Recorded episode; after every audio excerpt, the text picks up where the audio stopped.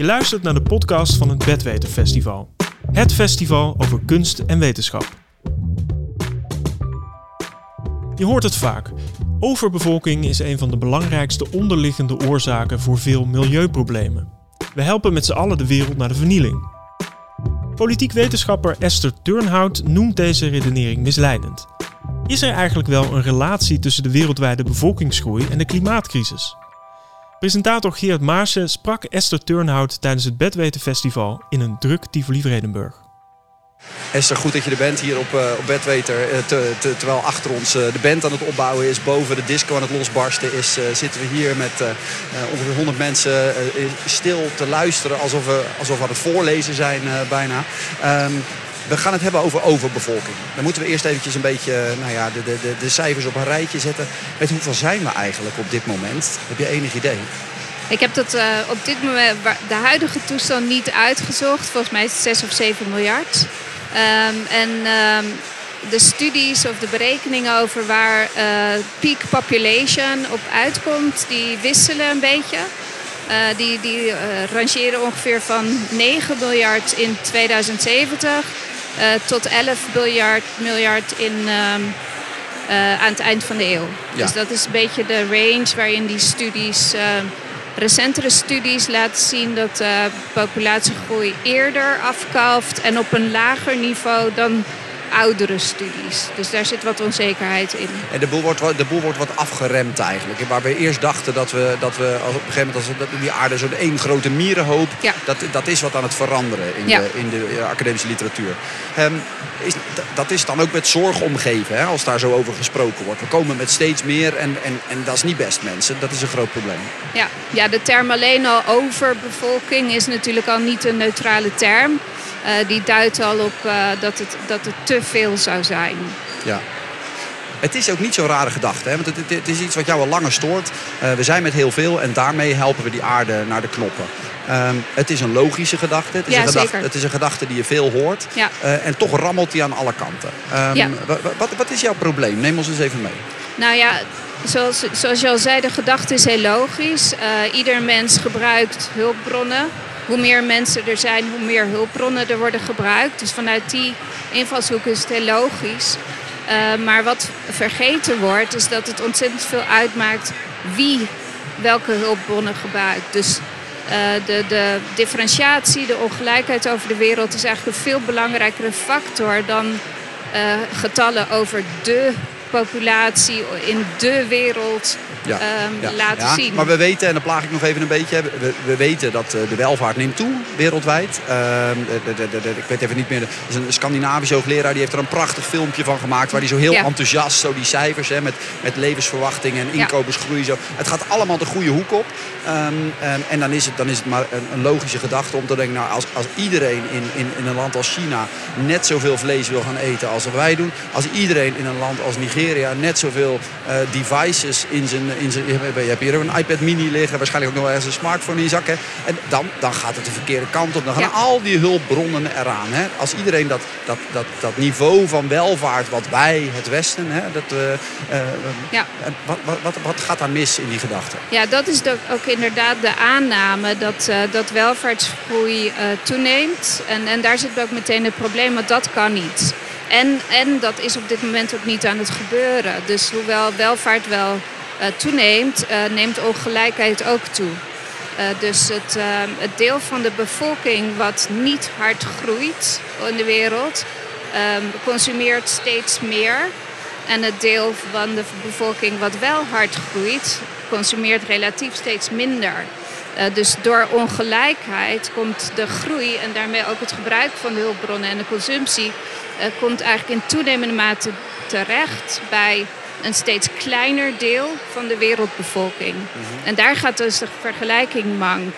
Je hebt, uh, je hebt in stabiele populaties een groei in, het, in consumptie en daarmee dus een groei in, uh, in milieuproblemen uh, die veel groter is dan die groei in het gebruik van hulpbronnen in, in landen waar de populatie harder groeit. Ja, jij, jij, jij hebt wel een gezegd ergens van het is een fascin, het is niet alleen, hij rammelt niet alleen die vergelijking, maar hij is ook op een bepaalde manier een beetje kwaadaardig. Omdat hij uh, het ware probleem verhult. Dat gebeurt misschien niet altijd bewust hè, als de discussie daarover gevoerd wordt. Maar, maar, maar wat is er aan de hand? Laten we dat eens even proberen te begrijpen. Waarom vinden we het toch zo fijn om het zo simpel te maken als als we met steeds meer uh, zijn, dan gaat het ook vanzelf mis. Wat, wat gebeurt daar?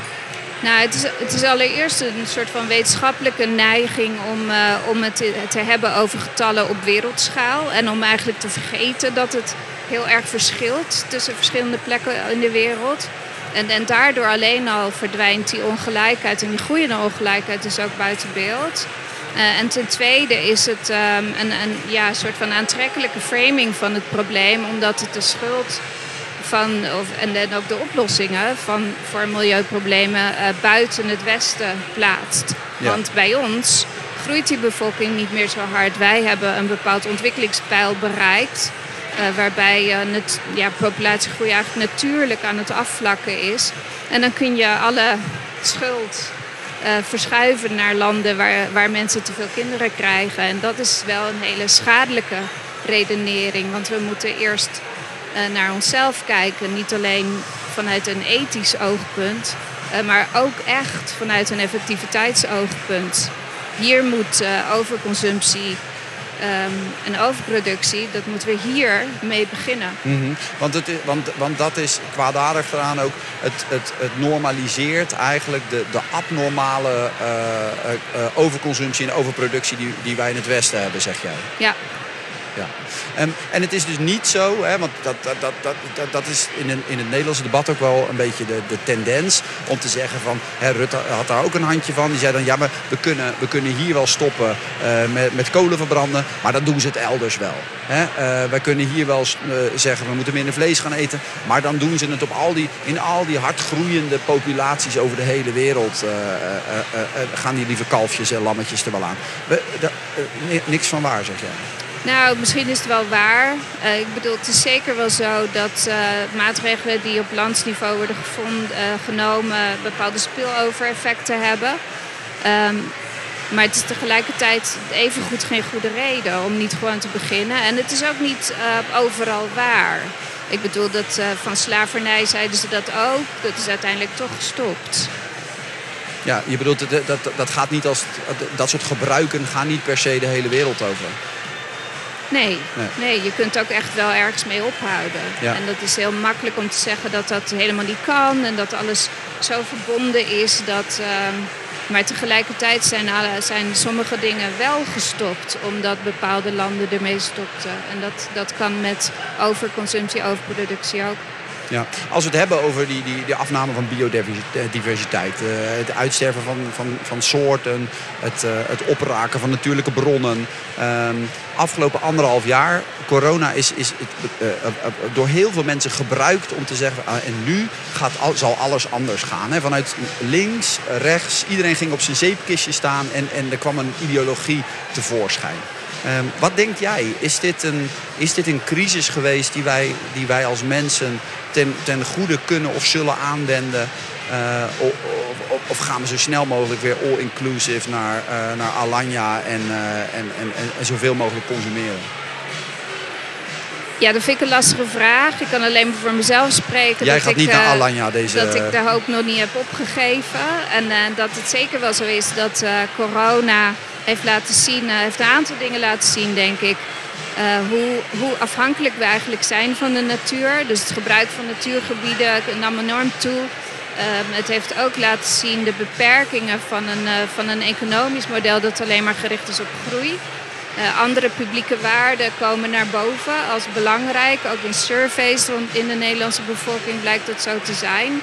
En het heeft natuurlijk heel erg laten zien dat zonder de overheid al die bedrijven uh, in een zogenaamde vrije wereldeconomie het dus helemaal niet redden. Dus het heeft ook wel de beperkingen van vrije marktdenken laten zien. Uh, en hopelijk um, ook een, een, uitnodiging aan de, aan de overheid om echt wel na te denken over wat voor soort maatschappij wil ik inrichten waarbij uh, groei niet, niet alleen het enige belangrijke is. Want een van de belangrijke misvattingen hier ook in, in dit debat is dat groei, economische groei, zoals uitgedrukt in het bruto nationaal product, dat komt in steeds grotere mate terecht bij een steeds kleiner deel van de bevolking. En dat is niet alleen in Amerika zo, dat is ook in Nederland zo. Uh, dus een steeds groter deel van dat bruto nationaal product komt terecht bij die 10%, 1%, 0,1%. Dat gaat, dat gaat echt zo omhoog. Um, en, en die zijn ook in, ja, verantwoordelijk voor. Ik geloof dat de rijkste 10% zijn verantwoordelijk voor 50% van de totale CO2-uitstoot. Uh, de rijkste 50% van de wereld is verantwoordelijk voor 90% van die CO2-uitstoot.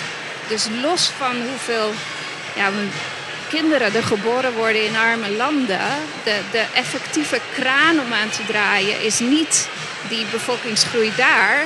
Die moet je natuur, op een natuurlijke manier uh, laten remmen door meisjes op te leiden en voorbehoedsmiddelen te bevorderen. Maar niet door één kindpolitiek of dat soort gekke dingen.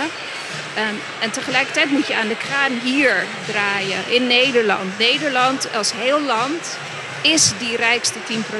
Ja. Ja.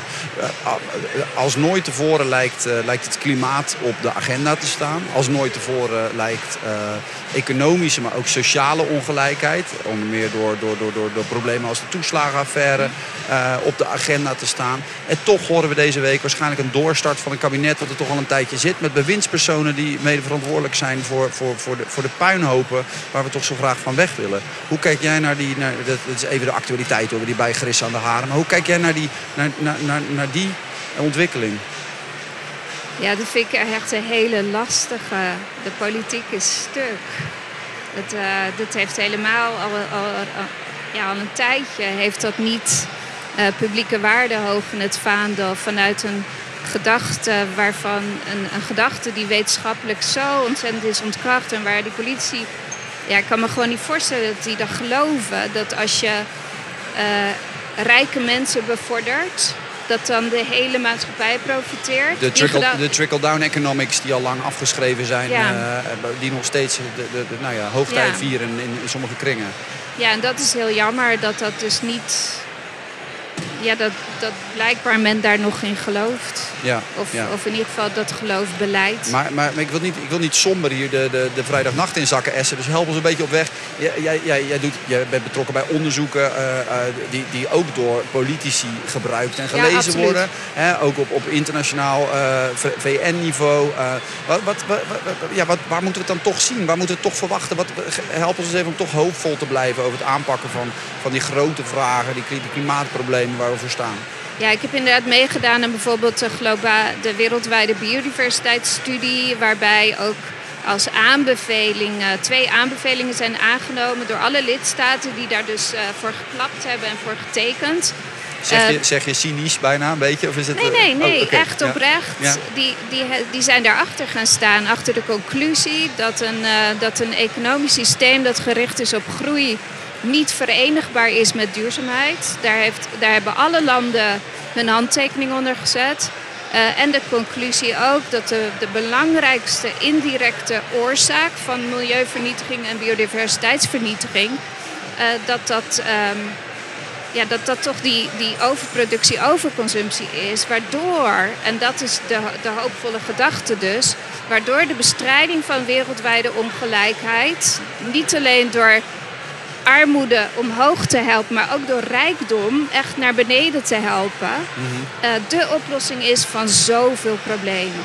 Ja, want zoveel ook daar, problemen. Ook Milieu, daar... klimaat, ongelijkheid, onderwijs, gezondheid. Uh, natuur is, is een weg daarheen. Uh, onge ja, een ongelijkheid is een andere weg daarheen. Daar pak je heel veel problemen tegelijk aan.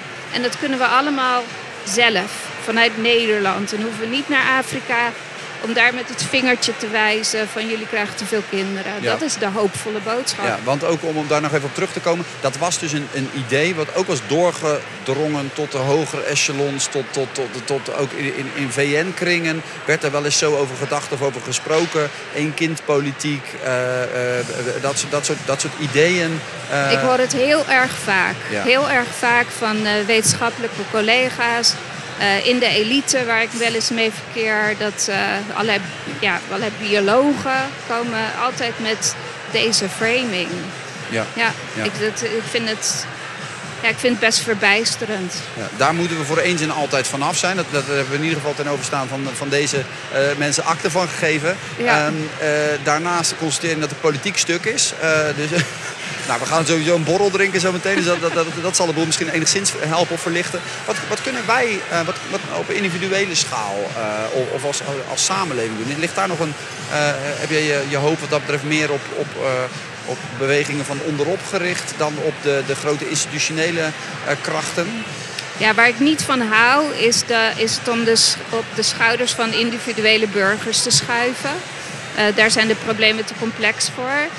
Um, en, uh, en niet iedereen heeft de vrijheid, niet iedereen heeft zomaar de vrijheid om uh, een ander levensstijl, een ander eetpatroon aan te nemen. Dat, Um, maar, maar er zijn zeker wel dingen die kunnen gebeuren. Een van de, ja, een van de dingen die uh, effectief zal zijn, is, is kapitaalbelasten. Uh, gewoon, ja, progressieve belasting op kapitaal, progressieve belasting op. en ook progressieve groeiende normen die eigenlijk het minimum omhoog duwen van de vervuilende activiteiten die bedrijven zomaar mogen uitoefenen. Ja. Dus, dus, regulering om de onderkant omhoog te duwen. Um, uh, financiële maatregelen om de bovenkant af te remmen. Um, en vervolgens uh, goede initiatieven niet in de weg te staan. Texas, Texas, Texas. Um, toch wel, toch wel, echt. Goed, goed, uh, goed dat je er, er bent hier met ons. Ik wil de zaal in duiken voor vragen over, over die redenering die dus mank gaat. Over overbevolking, over het gebrek aan biodiversiteit. steek uw hand op en kom uw kant op. Ja, ik vond het een heel duidelijk verhaal. Maar ik vraag me af, in die elite zijn er ook mensen die heel veel kinderen krijgen. Zijn er dat misschien niet zoveel, maar maakt dat nog uit? En zou je die nou niet juist moeten belasten? Ja, het is, het is inderdaad zo dat kinderen die in, in rijke landen hebben een grotere voetafdruk dan, uh, dan in arme landen. Tegelijkertijd is dat niet de schuld van die kinderen in die rijke landen dat de voetafdruk zo hoog is. Uh, dus uh, de voetafdruk van mensen in rijke landen groeit ieder jaar. Ook als je geen kinderen krijgt. Dat, dat is het ongelijkheidsverhaal. Ja, ik ben geen voorstander van kindsubsidies. Nee. Maar dat is, ja, nee, daar ben ik geen voorstander van. Meer vragen uit de zaal steken. Oh, nog eentje, ja. Nee, ik bedoelde eerder met kindbelasting. Voor mensen met heel veel geld die veel kinderen willen, meer dan drie. Ja, ik weet niet of ik dus aan de populatie. Ik weet dus niet of ik aan die knop zou draaien. Zowel niet om het te bevorderen, daar moeten we mee ophouden, maar ik zou het ook niet bestraffen. Vragen. Meer. Eh, Stik je hand op en ik uh, kom uh, die kant op. Dit is er helemaal bovenin, dus ik ga even een sprintje inzetten. Ja, sorry voor de extra meters. Um, je zei net dat de, de, de rijkste 50% van de wereldbevolking dat die verantwoordelijk is voor 90% van de uitstoot. En dat we ons misschien meer daarop moeten richten dan de extra kinderen die in arme landen geboren worden. Um, het is heel erg advocaat van de duivel. Het is heel erg hypocriet, want ik heb zelf een moeder die ernstig ziek is. Maar dat vind ik lastig om dan te rijmen dat we zo ontzettend bezig zijn met de gezondheidszorg en iedereen maar zo lang mogelijk en zo gezond mogelijk te laten leven. Want dan gaat uiteindelijk die bevolking ook in de rijkste 50% van de wereld onherroepelijk groeien en voor dus nog meer uitstoot zorgen. Ja, het is zo dat, eh, dat eigenlijk uh, longevity, dus hoe lang mensen leven, is een belangrijkere factor op dit moment in populatiegroei dan het aantal kinderen wat geboren wordt. Het schijnt zo te zijn. Dat benadert elkaar in ieder geval wel. Uh, ja, maar voor mij is dus de knop om aan te draaien is ongelijkheid en economische groei. En niet zozeer populatie. Dus aan beide kanten zou ik niet op dat niveau um, de ingrepen of de maatregelen plaatsen. Ja. Het is natuurlijk wel wonderlijk te noemen dat er uh, nu weer uh, uh, miljoenen vaccins voor een derde en vierde ronde in Nederland zijn besteld. Terwijl er plekken op de hele wereld zijn waar mensen nog geen enkele prik hebben gehad. Um, maar dat is weer een hele andere discussie. Vragen voor nu aan Esther Turnhout. Zet je hand op, ik kom uh, naar je toe. Yes. Um, Waarom moet ik uh, economische groei als iets onnatuurlijks of als iets vies zien? Omdat economische groei gepaard gaat met groei op het gebruik van resources. En, en dus ja, een, een oneindige groei met een eindige aarde, dat houdt op. Tot nu toe, wat, wat modelberekeningen laten zien, is dat de groei in GDP gepaard gaat met, met belangrijke groei in landgebruik bijvoorbeeld. Dus steeds meer land wordt omgezet in um, um, landbouwgrond. Uh, met name voor vee, voor soja, voor palmolie. dus op die manier is economische groei een, een, een, soort wat ze noemen een indirect driver. Dus een, een indirecte oorzaak van natuurverlies en duurzaamheidsproblemen. Ben je, ben je, ben je, dat is, um, ben je ja, dus, nou ja, er zijn economische theorieën hè, die, die eigenlijk uh, uh, vanuit uit het idee gaan dat de economische groei steeds meer ontkoppeld wordt van het gebruik van hulpbronnen. Ja, empirisch is, is het gewoon niet zo. Dat is uit theoretisch op papier is, is dat idee van decoupling is best wel sterk. Een diensteconomie, et cetera. Maar in de praktijk blijkt dat gewoon echt niet zo te zijn. Dus de enige, de enige echt duurzame economie is dan, zeg jij Esther, een, een circulaire economie op de lange termijn? Ja, een economie met grenzen. Was hier nog een uh, hand? Yes. Is de welvaart in Nederland en onze economische groei niet ook juist een oplossing voor het klimaatprobleem, omdat we daardoor juist nieuwe innovaties kunnen ontwikkelen? Nou, ik denk dat welvaart zeker belangrijk is. Um, en en een, van de, van de punten is dat welvaart en uh, groei in bruto nationaal product, dat die ook steeds minder met elkaar te maken hebben. Dus ik ben helemaal voor welvaart en welzijn. Um, maar, als die maar als je dat verplaatst in, als je alleen maar denkt in termen van GDP, uh, ja, dan, dan, dan is er toch niet zo heel veel bewijs dat het echt aan het leiden is tot technologische innovaties die ook echt het gebruik van hulpbronnen verlaagt. Dat is niet zo. Iedere efficiëntiemaatregel die technologie voor elkaar heeft gekregen, heeft gebruik geïntensiveerd. Tot nu toe is dat zo. Hoe meer snelwegen, hoe meer files. Vanuit die gedachte, en dat gaat voor heel veel technologische ontwikkelingen op. Meer vragen. Steek je hand op. Heel, ja, echt helemaal serieus. Meen dat nou joh, helemaal achterin? Kom eraan hoor. Je hebt van die microfoons die je kunt gooien. Dat, is, dat gaan we volgend jaar doen. Ik geef hem even aan. Ja. Hallo. Um, ik heb het idee dat alle oplossingen die lijken wat progressiever te zijn. Maar politiek heb ik niet het idee dat het die kant op gaat. Gaat dat veranderen en of hoe kan dat veranderen? Want ik heb het idee dat de oplossingen wel voor de hand liggen. Maar niet dat het echt die kant op gaat. Nee, dat klopt zeker. Al sinds, uh, al sinds het begin van de Conventie voor Biologische Diversiteit bijvoorbeeld staat op de agenda. Waar ook weer al die lidstaten die lid zijn van de conventie een handtekening onder hebben gezet. Dat we schadelijke subsidies moeten afschaffen. Uh, we zijn, uh, we zijn 50 jaar verder en dat is nog niet gebeurd. En op de, op de aankomende kop gaat het gewoon weer op de agenda staan. Gaan weer alle landen daar een handtekening onder zetten. Dus het is inderdaad niet aan het gebeuren. Um, de grote vraag hoe we de verandering loskrijgen die we nodig hebben, is, uh, is de vraag van deze tijd.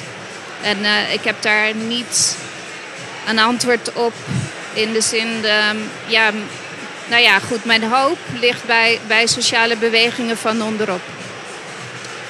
We zitten bijna aan de tijd, maar we hebben nog ruimte voor één vraag. Steek je hand op. Ik kom... Uh, ah, ja, dat wordt... Ja, sorry. Geef hem even aan. Um, we hebben het over bevolkingsgroei. En uh, uh, als we kijken op de schaal van Nederland, onze samenleving... de, bevolkings, de, de cijfers nemen af, de geboortecijfers. Zijn er ook negatieve kanten aan de remming van bevolkingsgroei op verschillende vlakken? Of is het alleen maar positief? Nee, er zijn zeker wel negatieve effecten. En uh, landen met een negatieve groei kennen ook bijvoorbeeld een uh, sterk vergrijzende bevolking. Een kleiner worden de beroepsbevolking, vacatures die niet worden vervuld. Uh, leegloop van het platteland, waarbij, ook, waar ook problemen mee gepaard zijn. Het is, ehm, ja, er zitten, zitten best problemen aan. En um, ja, het, zou, het zou fijner zijn als we dat een beetje uiteffenen. Dat, um, ik denk dat populatieafname, dat het ook iets is wat, uh, ja, wat wel gaat gebeuren.